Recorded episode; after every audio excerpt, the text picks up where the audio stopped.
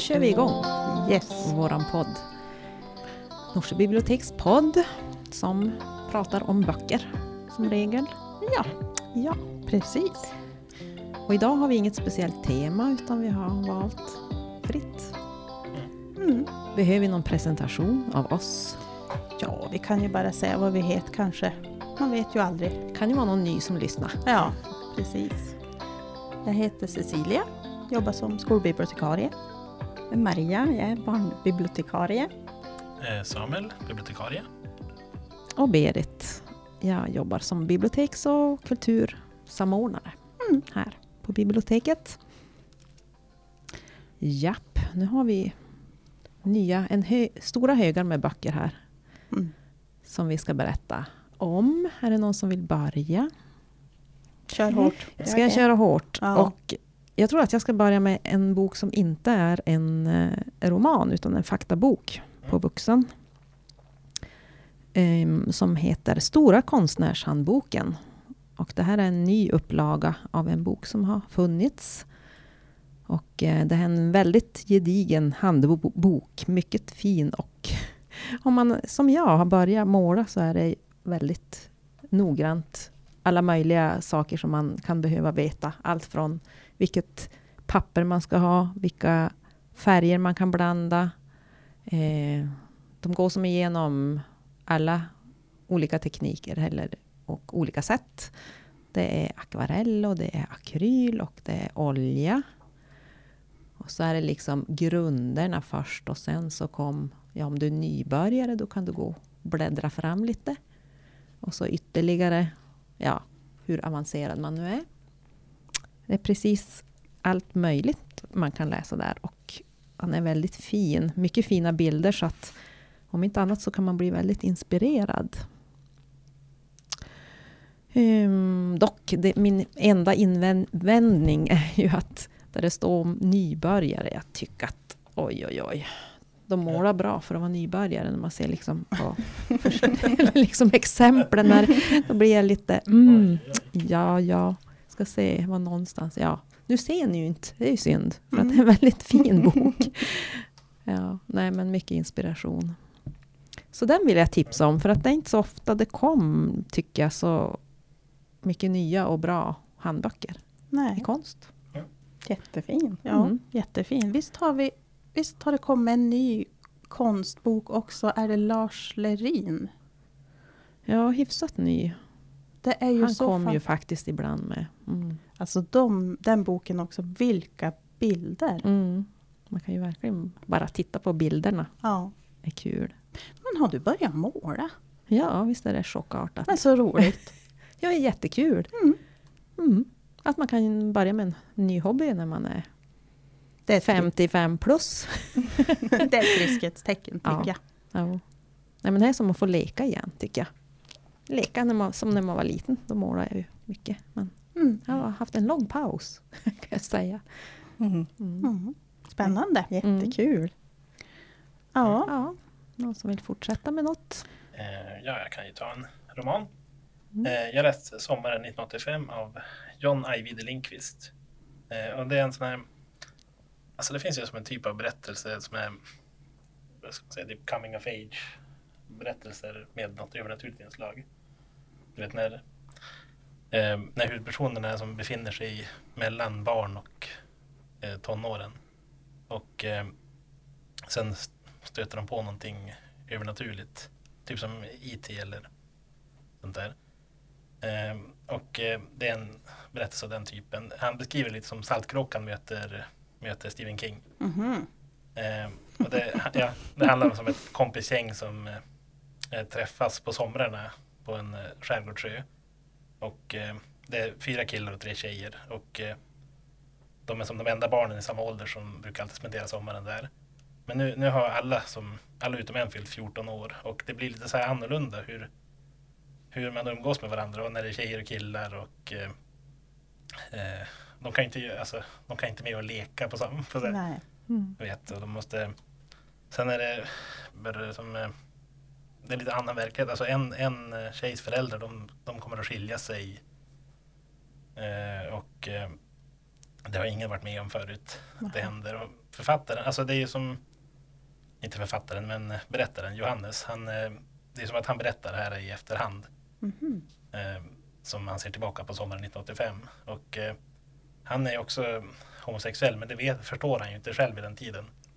Nej. För eh, han bara skäms över grejer, sak- hur tankar som kommer och sånt där.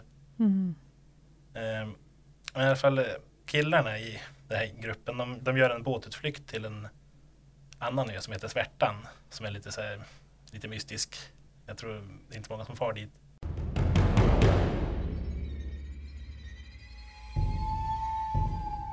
Eh, och eh, när han går där så hittar Johannes en, eh, en eh, varelse som är fastbunden på en strand som är skadad och det är alltså en det är en eh, sjöjungfru. Alltså, men eh, han, eh, den är som, typ, hur skulle en sån varelse vara i verkligheten?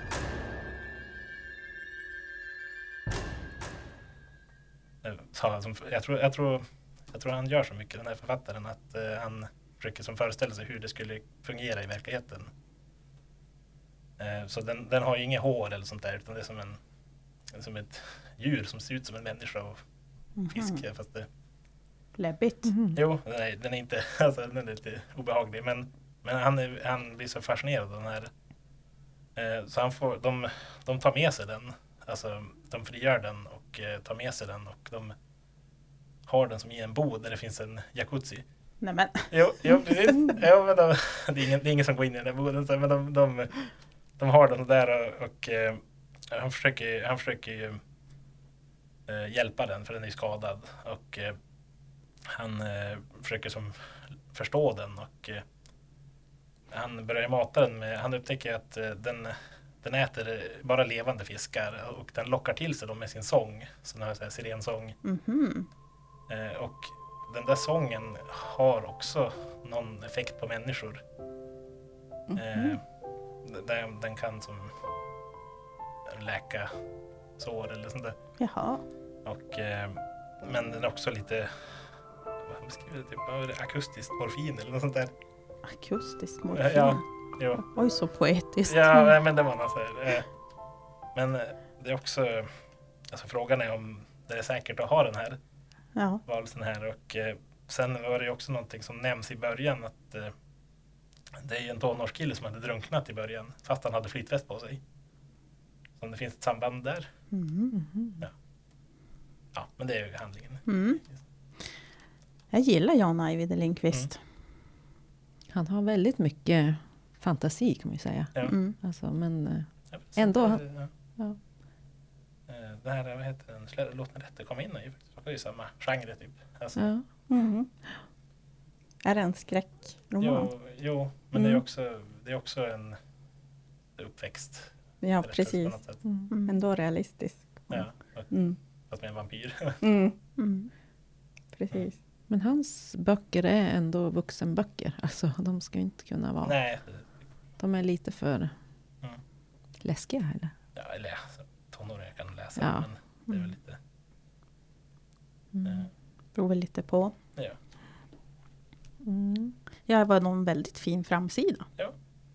Mm. Man blir ju rätt nyfiken. Ja. Jag tycker att han brukar skriva bra. Alltså, man brukar... Ja, då tror jag aldrig blir besviken på Nej. hans. Nej. Jag Alltså nu var jag ju född året efter. Men jag tycker, jag tycker ändå som språket, det känns, det känns som det är typ tidsenligt eller baserat på det. Ja. Jag måste nog läsa han för att Ja. 85, ja, Ja. då var jag nog 15. Ja. Nej, jag Ja, var ju ännu är äldre. nästan- Herregud, jag var är 18. ganska nära. Jag var ganska nära. Jag kan kanske förstå språket. Mm. Ja, Mm. mm. Mm. Mm. Ja, ska jag ta min då? Mm. Ena. Eh, det är en deckare. Eh, Nilla Källsdotter. Eh, som har skrivit Flickan i stenparken. Det är den första tror jag. Eh, räknas som den första för att hon skrev en före. Har jag för mig. Eh, hos ett annat förlag. Så när hon hamnade på Norstedts. Då valde de att börja om på ett. Tror jag. Man kan. Mm. Eh, och den här utspelar sig i finska Österbotten. och de hittar en flicka som nästan har frysit ihjäl och hon är eh, ganska så misshandlad. Och de vet inte vem hon är och hon är inte heller anmält försvunnen. Och eh, hon är som så traumatiserad att hon kan inte, hon kan inte berätta någonting. Så då är det huvudpolisen i den här eh, serien heter Mia och hennes kollegor de, de, de strandar som fast i att de kan inte egentligen komma på vem hon är. Så samtidigt så får de ett annat mordfall på sitt skrivbord och då är det en känd forskare och jag tror att det var i diabetes som han eh, som hittas ihjälslagen i sitt hem. Och eh, de vet inte riktigt om det kan ha att göra med forskningen. För han, har som kommit, han, har som, han står inför en stor upptäckt när det gäller diabetesforskning. Och då beror det ju då på är de här mordfallen sammankopplade? Eller är de här två händelserna sammankopplade eller inte? Eh, ja, jag tyckte att den var spännande och jag tycker det var jätteroligt också att läsa om Österbotten. För miljöbeskrivningarna är ganska bra. Och det är ett helt vanligt upplägg. Man växlar lite mellan det som hände i arbetet för den här Mia och det som hände i hennes privatliv. Och hon är, hon är en workaholic. Och hon är lite förvirrad. Glöm bort personer som hon har runt omkring sig. Till och med en ny pojkvän lyckas hon helt glömma bort. Eh, och, eh, Det var ett dåligt tecken. Ja, det känns lite så. Faktiskt. Ja. Mm. Och så är det då samtidigt så har hon en bästa vän som får, hennes barn får diabetes. Och blir inlagd på lasarettet. Så det är lite om det. Och min, min, eh, eh, mina barns kusiner fick, kusin fick diabetes. Och jag, det är ett tag sedan jag läste den här. Och jag vet att jag tänkte att ja, men då ska jag läsa lite om det. För det märks Mm. att hon har erfarenhet av, av diabetes. Mm. Så det blir som en, en grej till. Mm. Mm. Uppföljaren heter Himmelgården. Och den har jag inte hunnit läsa än, men den såg också bra ut. Så ska vi ge oss på den, ska jag tro. Mm. Mm. Det är inget sånt där att hon har tänkt skriva fyra, fem, sju av den där eller är det bara hon bara kör på med Ja, jag, det, det kan jag nog inte svara på. fantasin tar slut. Ja. Ja, nej, det vet jag inte. Den där Himmelgården tror jag kom 2023 i alla fall. Mm. Mm. Nej, då vet man inte. Nej. Men det blir, Mm. säkert, det blir säkert en sån följe. Så mycket, deck- visst har det blivit mer deckare där det är kvinnliga huvudpersoner? Eller är det bara en känsla? Nej, men jag tror det. Och de är Ja. lite tuffa och så Ja. lite skadade. Så att de har nå- Och lite grann som männen fast lite kanske inte lika. Nej, jag, kanske, jag tror många har tagit lite inspiration av Lisbeth Salander. Ett, Kanske, ja. lite så Kanske tuffa. Mm. Mm. Mm. Mm. Ja, men ska jag ta... Nu har jag som sagt en hög här, fyra böcker. Och det, men det är en bokserie som börjar med boken Choklad. Och där heter huvudpersonen Vianne Rocher. Eh, Choklad kom ju som en film år 2000 och då var det Juliette Binochet och Johnny Depp i huvudrollerna. Så den tror jag många har sett. eh. Och jag visste inte själv att det fanns en fortsättning på den här boken Choklad. Eh, Men den följs då av boken Karamellskorna och sen i persikoträdets skugga och den nyaste heter Smultrontjuven och den kom ut då så sent som 2019. Mhm. Eh, Och i de här böckerna, och som i filmen, då, då ingår det ett magiskt inslag. Och eh, det finns en hel del som skiljer sig mellan böckerna och filmen. Så jag skulle nog rekommendera att läsa boken Choklad, även om man har sett filmen, Mhm. för att förstå nästa bok. Mhm. Eh, och Vianne Rocher då, som är huvudperson, hon flyttar då till den här lilla staden Lanskene-Sotan under fastan och hon startar där en chokladbutik. Mm. Och då prästen i böckerna, eh, fader Francis Reynaud, eh, i filmen har han rollen som en borgmästare. Han försöker då mota bort Vianne och hennes dotter Anouk. Han tycker att hon har en dålig inverkan på de som bor i staden. Och det var ju inte så populärt att hon startade en chokladbutik under fastan. De är väldigt religiösa i den där staden. Eh, och de här böckerna handlar mycket om fördomar och rädsla. Men även då att vilja hjälpa andra människor, och trots att det inte alltid är så lätt. Och så finns det såklart eh, inslag av kärlek och spänning. Och i den nyaste boken, då, Smultrontjuven, då är det en av huvudkaraktärerna, Vians yngre dotter Rosette. Eh, hon är dotter då till Vian och Ro. Eh, Ro som bor på en flodbåt. Och han finns ju också med i, i första boken och filmen där. Det är ju han som är, det är Johnny Depp. Mm. Eh, och Rosette får ärva en skogsdunge av floristen i staden, Narciss. Och det leder till avundsjuka bland Narciss släktingar. Och sen flyttar även en mystisk kvinna till staden och startar upp en butik. Men vad är det egentligen hon ska sälja där? Det är lite mystiskt. Mm. Så den var också bra, eller jag tyckte alla var bra, de här böckerna. Så ger man sig på de här har man ju mycket läsning. Mm. Mm. Man minns ju filmen. Jag har inte läst... Jag tror inte att jag har läst någon av dem, men filmen kommer man ju ihåg. Ja, precis. Mm. Den var ju som... Han var bra, Ja, jag, jag tyckte mm. också den var jättebra. Det var som bara en slump. Jag såg att det fanns fortsättning. Eller egentligen såg jag den här Smultrontjuven. Mm. Och förstod att det var ju fjärdedelen i... Mm. Det har jag då inte. För jag tror att jag har sett några av dem, att, men inte... Filmen, är det de första tre eller? Nej, det är bara den här första boken, bara, Choklad. Ja. Mm. Men som sagt, de har ändrat ganska mycket mm. I filmen och så. Så jag började läsa nummer två och då fattade jag som ingenting egentligen.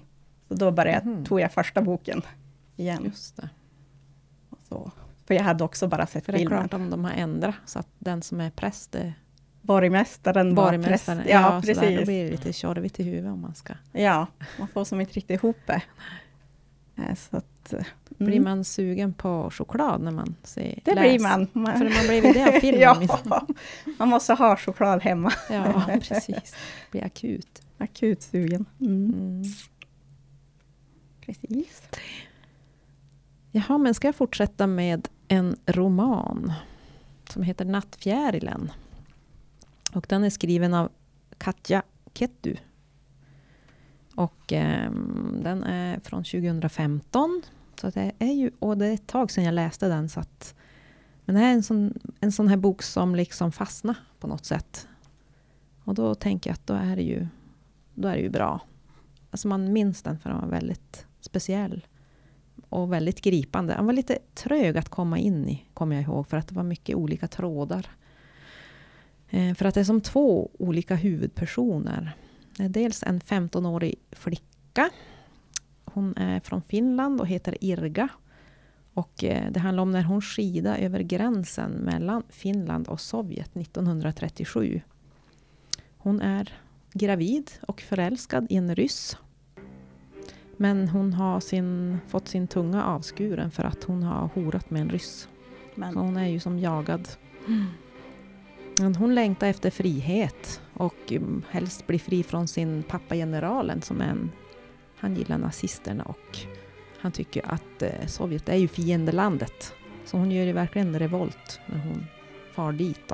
Mm. Men det slutar ju inte så bra där heller. Utan hon blir ändå gripen där och hon är då misstänkt för spioneri och blir stämplad som politisk fånge och hamnar i ett läger. Men du! Och eh, där får hon 25 års straffarbete i ett sovjetiskt läger. Så hon ska... Och få föda sitt barn där. Ja. Men, mm. eh, parallellt så då en annan huvudperson, de delas om vartannat kapitel. Jag vet inte om det är exakt så, men ja. Det är ju den finska journalisten Verna. Som det, ja, det visar sig fort, så det är väl ingen spoiler om jag säger att det är då barnbarnet till den här skidåkande 15-åringen. Mm. Och hon är journalist och hon börjar ju nysta i den här historien. hon är ju intresserad både rent politiskt men även personligt. Och eh, när hon kom in i bilden, då, det är när hon kom till en byskola i Ryssland för att identifiera sin döde far. Alltså barnet till den här Irga hon hittar honom där. Han är död och lemlästad och de har lämnat en nattfjäril i halsen på honom. Det är ju en, en fin, fint omslag. Mm. Jag blir helt chockad för alltså. där hade jag inte förväntat mig. Man Av det här? Nej. Ja, och nattfjärilen det är ett ehm, centralt element i, en, i ma, Mari-folkets andlighet. Alltså ganska mycket ganska mycket magisk realism och sånt inblandat också. Mm. Nordisk mytologi och naturmagi som fanns där hos minoriteter i det ryska väldet. Eh, ja, i alla fall när då den här barnbarnet som heter Verna kom dit. Så då finns också en gammal kvinna som hon träffar där i byn och som bär på hemligheter. Och hon får som veta mer och mer om sin familjehistoria. Eh, och, alltså det här är en väldigt mustig bok och som sagt lite svår att ta sig in i just från början men sen så blir man verkligen fast. Det är mycket gripande öden och men väldigt, som sagt, det är lite magisk realism och det är ja, en häftig bok. Och ibland så kom faktiskt in kom det något kapitel, inte många men några stycken, med kursiv stil. Och där förstår man att det är självaste Putin som uttrycker sig Aha. som det, ett riktigt svin, kan man säga. Om, liksom om... Ja, som om han beskriver typ en dagbok. Ja, sådär att han har med sig någon kvinna. Han är ju inte snäll med någon, kan man ju säga. Och han utnyttjar och han och är ju maktgalen. Liksom hej som inne i hans huvud. Mm. Han är bara som insprängt sådär. Ja. Där måste jag nog läsa känner jag. ja. Det är, han var häftig. Mm. Jag läste en recension och då, jag tycker jag verkligen det sammanfatta hur han kändes, den här boken. Det är från Aftonbladet. Äntligen en frist från blodfattiga skilsmässor och bleka otroheter i välmående medelklassfamiljer. Så här ser riktig litteratur ut. Folk lider, njuter och älskar på riktigt. Så. Då var det sagt. Ja, ja han var riktigt... Vi hade han faktiskt i bokcirkeln och det varit väldigt mycket samtal. För det är lite sådär, ja, man kan behöva prata med någon Någon sen. Mm. sen. Och Mm. även det där, vad var det som hände riktigt? Alltså, jo, man förstår vad som hände, men man kan tolka det lite olika. Och så även den där kursiva då Putin Mm. kom in. Det var inte, ja, men det är ju inte alla som tänker att det var han. Nej. Men de flesta tolkar det nog så. Mm. Ser fram emot den där boken. Mm. Jaha, är det någon som har något? Ja, då har jag ju en fackbok här då. Eh, det är som en eh, vad ska jag säga, Alla är vi valloner av Peter Sjölund. En, det är som en essäsamling om eh, släktforskning men också eller ja, särskilt om eh, släktmyter och sånt där. Sådana här berättelser som eh, släkter kan ha om eh, ja, men, eh, som i titeln att eh, det är många släkter som typ säger att de är härstammar från vallonerna. Från nära eh, järnbruksarbetare som kom från eh, lågländerna där. Eh, men eh, det är lite, han går ju som igenom, det är, det är som flera fristående essäer och eh, lite om varför det här, de här berättelserna har blivit så viktiga och hur de har uppstått och, eh, och eh, huruvida de är sanna eller inte. Eh, och eh, ofta är det, det är många fler som tror att de är släkt med vallonerna än som egentligen är möjligt att vara det. Mhm. Eh, så finns det också eh, till exempel, det finns ju en eh, släkt som heter Bures, Burätten. Som är väldigt, väldigt många i Norrland är släkt med dem. Eh, och de var ju bland de första som bedrev riktig släktforskning. Att man pratade med äldre släktingar och kartlade sin släkt. Mm. Men sen eh, blev det ju så att man la in en legendarisk riddare i, i släkten och eh, sen började man se att men, de här namnen på runstenar de påminner ju om deras namn. Och då la man in dem i släktträdet också. Så plötsligt så kom det in en massa påhittad släkt. Där. och eh, många som, de som tror på den här berättelsen, de är ganska svåra att övertyga om motsatsen. Eh, men De vill ha lite riddare och sånt där. Jo, precis. Och det, det är ju mycket sådana här släkter. Bara, Åh, men vår släkt härstammar från eh, den här vikingakungen. Så, men det, det är ju omöjligt att fastställa det med runstenar. För Mm. det, ja, det går ju inte att koppla så lätt. Nej. Ehm, och eh, sån här, och den här eh, personen var på den här platsen och kungen hälsade på där. Så, så den här oäktingen är ju säkert kungens oäkting. Eller sånt där. Det, det är väldigt mycket sånt där. Och det är också lite grann i början om eh, att eh, kungarna själva gjorde ju släktträd. Det finns ett släktträd där som knyter Gustav II Adolf till, han, han härstammar från Adam och Eva. Oj! Ja, de har gjort ett helt släktträd som gick från 1600-talet bakåt till Adam och Eva. Oj. Ja. Det måste ju för vara ganska många. Men, eh, men eh, sen den som jag tycker var bland det roligaste var ju att det kommer Varför heter alla Marklund i Skellefteå? Mm. Jag tänkte just Eller fråga om det var den där Ja, boken. ja, precis det är den boken. Och eh, han, eh, han går igenom det här. Han säger faktiskt att en på hundra i Skellefteå heter Marklund. Och nästan lika många heter Lundmark. Och var tredje person i Sverige som heter Marklund bor i Skellefteå. Eh, nästan var fjärde Lundmark. Eh, och eh, då gör han lite experiment. Men tänk alltså, alla, alla, alla som inte kommer därifrån. Hur är det med dem? Så gör han lite så här experiment. Han kollar, han tar ett så slumpmässigt år, så här 1959. Och kollar alla som är födda utanför eh, Norr och Västerbotten. Vars, vars de eh, kommer ifrån. Eh, och eh, han hittar väl eh, 13 personer födda det året. Och så, så kollar han släktforskaren några generationer bak på dem. Och 10 av 13 härstammar från Skellefteå. Nej. Eh, och eh, nästan, alltså ganska många från, ganska många Lundmark också. Så, eh, ja, så, det, så chansen är väldigt stor att om någon heter Marklund så kommer de från Skellefteå. Mm. Åtminstone några generationer bakåt. Jag har ju Marklund. Min gammelmormor Ja. heter Marklund. Ja. Gissa. Gissa. Ja, från Skellefteå. Jajamän. som enkelt då. Ja, ja, det är ganska roligt. Och så tar han ju upp det här, du vet, alla heter Glenn i Göteborg. Ja. Mm. Ja, det är, jag tror en på tusen i Göteborg heter Glenn. Det är ändå ganska mycket också. Ja. Mm. Eh, och, men, men det är inte platsen med mest Glenn. Utan det är, det är någon annan, jag undrar om det var Varberg eller något sånt där. Åh, otippat ändå. Ja, men det är på västkusten där flest Glenn finns i alla fall. Mm. Eh, ja, sen är, är det också, finns det också en så här, eh, lite blandade släkthistorier i, i det. det. Jag vet att en del ty- tycker att man tappar tråden där lite men, men eh, det är som man, man kan ju som läsa det man tycker är intressant i den. Mm. Eh, sen är det ofta ganska roligt skrivet.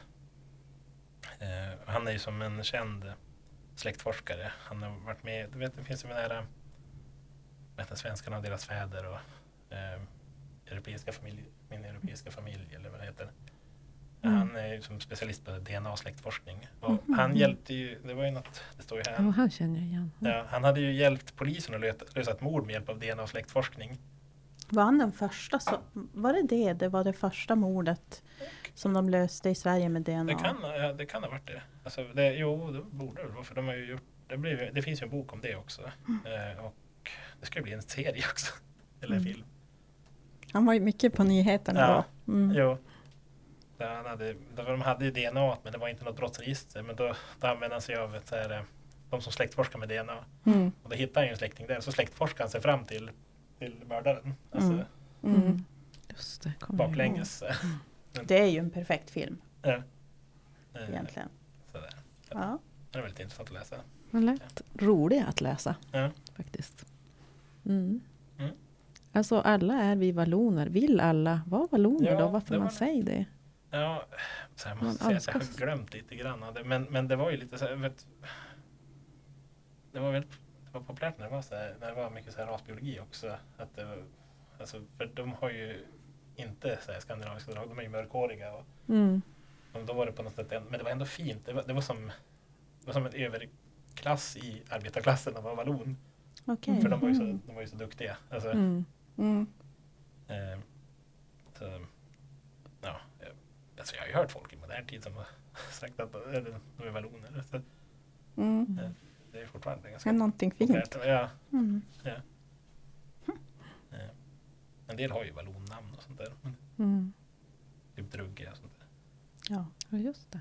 Och jag har en deckare till som Mm. heter Vargdräparen av Sara Hagström. Och eh, det var egentligen det här med vargen som gjorde att jag ville läsa den där. För jag minns den här Junselevargen. Och det utspelas också i Junsele, den här boken. Och när man, när man läser på baksidan så tror man verkligen att man, man ska få som en stark koppling till just den här Junselevargen Mhm. den riktiga. Eh, den sövdes ju och flyttades flera gånger av Naturvårdsverket. Eh, eftersom de ansåg att hon var en genetiskt viktig varg. Som hade vandrat in från Ryssland. Eh, men men eh, hon kunde ju inte ha sitt revir i renbetesland. Så att det här eh, kostar ju hur mycket pengar som helst. Och det var ju jättemycket skriverier om, skriverier om det där. Alltså när var det? Kommer du ihåg det? Nej, jag kommer Nej. inte riktigt ihåg när. Men. Ja. Mm. Eh, ja, ja, men i Mm. alla fall så eh, har hon ju tagit det här och, och vävt, vävt in det till att det blir en, en klassisk deckare. Det är en polis i, ifrån Umeå som har problem i sitt liv. Eh, en kvinna. Mm. Och hon blir skickad till Junsele då för att hjälpa till med den här ut, utredningen kring Einar Grundström som har hittats skjuten i huvudet. Och han är märkt med enkel V tre gånger. V, V, V. Och då tror de att det kan betyda våga vägra varg. Mhm. Eh, och i Junsele så skvallras det och tisslas och tasslas. Och mm, de har ju väldigt mycket åsikter om den här nya polisen då som är i ort- på orten. Och eh, kapitlerna varvas med det som händer i nutid och med eh, vad som hände i Junsele för 15 år sedan. Så man lär ju som känna byborna i byborna. Det är svek och hämnd och lögner och, som ligger och pyr. Som pyr kvar hos dem. Eh, ja, och den var bra. Det tycker jag den var. Men jag hade förväntat mig. Jag var li, lite besviken att det var ändå så pass lite om vargen. Mm. Jag hade förväntat mig att det skulle vara mer om det. För det är ju en stor varg på framsidan av boken. Ja. Så kan ju också. Mm. Och så Vad just ju baksidestexten också gör att man ja, man tror verkligen att det ska vara det. Men det är inte så mycket om, om själva vargen. Och jag tycker att man, man känner sig som hemma i de här miljöerna. Eh, Junsele är ju beskriven. Man, man förstår hur det ser ut där och man känner igen skvallertanten på affären och, Mm. och sådär. Så den var ju rolig att läsa på det sättet. Är författaren också från Junsele trakten kanske? Eller? Anundsjö, Säker. Västernorrland. Men det är ja, säkert. måste ju vara i närheten. Ja. Mm. ja, men här har jag skrivit förresten. En timme från Junsele. Har jag Mhm. skrivit. Mm. Jo. Så det var mina två. Mm. Ja, då hade vi nog inte något mer idag, tror jag. Nej. Underbart är kort. Mm. Men vi kommer ju igen om en månad ungefär. Med Det lite nya vi. tips. Men som sagt, slutet av mars, då är vi tillbaks. Då är vi tillbaks. Och nu har vi ju så fin vårsol som har börjat titta fram. Så att då kanske vi har suttit ute en stund och läst något bra. Kan vi hoppas. Ja. Mm. Ja. Ja, då får vi säga tack och hej leverpastej. Helt enkelt. Ja. Jajamän. Vi gör så. Hej hej! Hej då!